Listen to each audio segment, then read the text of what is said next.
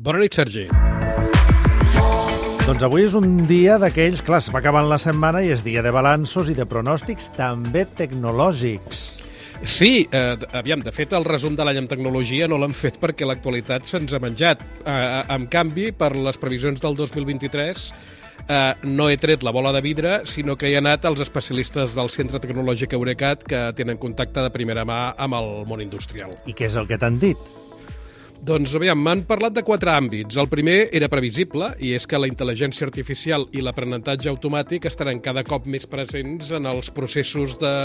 rutinaris, sobretot de la indústria, durant l'any que ve, sobretot gràcies a que hi haurà plataformes d'un tipus que en diuen sense codi, que és que tu pots programar sense ser programador, i d'aquesta manera, uh -huh. fins i tot un no expert pot agafar la intel·ligència artificial i posar-la a la seva solució. Uh, 2023 també serà un any en què el metavers seguirà donant un gran impuls a totes les tecnologies que estan vinculades amb això, com el blockchain, els actius virtuals i els bessons digitals, perquè les empreses i les persones puguin tenir el que en diuen experiències descentralitzades i segures. Ah, i el metavers, havia de sortir el metavers. I tant. Eh, I el segon àmbit és el medi ambient, oi? Sí, eh, entre les pre previsions més prometedores per eh, 2023 en l'àmbit industrial, que no oblidem que parlem d'això, eh, destaquen la captura i els usos del diòxid de carboni de l'atmosfera i la recerca en bateries de llarga durada amb tecnologies basades en ferro, que és un material que és molt més abundant al planeta que del que ho és el liti. Uh, a Eurecat recorden que a Reykjavik, a Islàndia, ja funciona la instal·lació de captura de CO2 més gran del món que porta eliminades 5.000 tones d'aquest gas d'efecte hivernacle.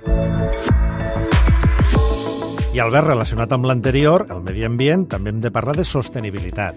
Uh, esclar, uh, i en aquest camp de la sostenibilitat, una de les tendències, segons la direcció científica d'Eurecat, és uh, la recuperació de metalls i de minerals crítics amb el, amb el marc d'això que s'anomena l'economia circular, a partir de fonts secundàries, amb una cosa que, em, que fa molta gràcia, que es diu mineria urbana.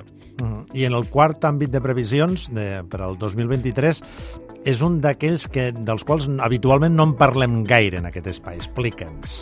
Uh, no en parlem gaire i potser haurem de fer més, perquè els científics d'Eurecat diuen que les tecnologies i els avenços en el camp de la biotecnologia i de la tecnologia alimentària facilitaran que els aliments amb contingut proteic innovador, que ara t'explico què vol dir aquest eufemisme, uh -huh.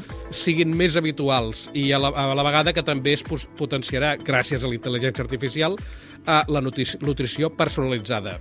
Uh, sobre el de l'eufemisme, es donarà més protagonisme al consum de proteïnes vegetals i es potenciarà la recerca en proteïna d'insectes i en biomassa celular, eh, diuen que aplicant tecnologies com la fermentació de precisió, l'agricultura de precisió i la hibridació genètica i tècniques que facin més acceptables els, sensorialment uh -huh. els productes i que ajudin a vèncer la resistència a les fonts, diguem-ne, alternatives de proteïna. Clar, la qüestió de les eh, proteïnes, els minerals, tot això són molt importants, eh, perquè estem parlant d'alguna manera doncs, d'energia en molts sentits, eh, per, per, per moure i per fer coses en aquest món.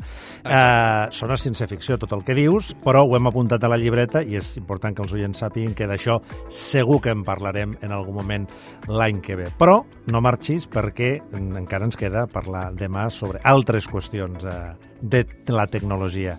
Albert Cuesta, gràcies i fins demà. Bona nit, Sergi, fins demà.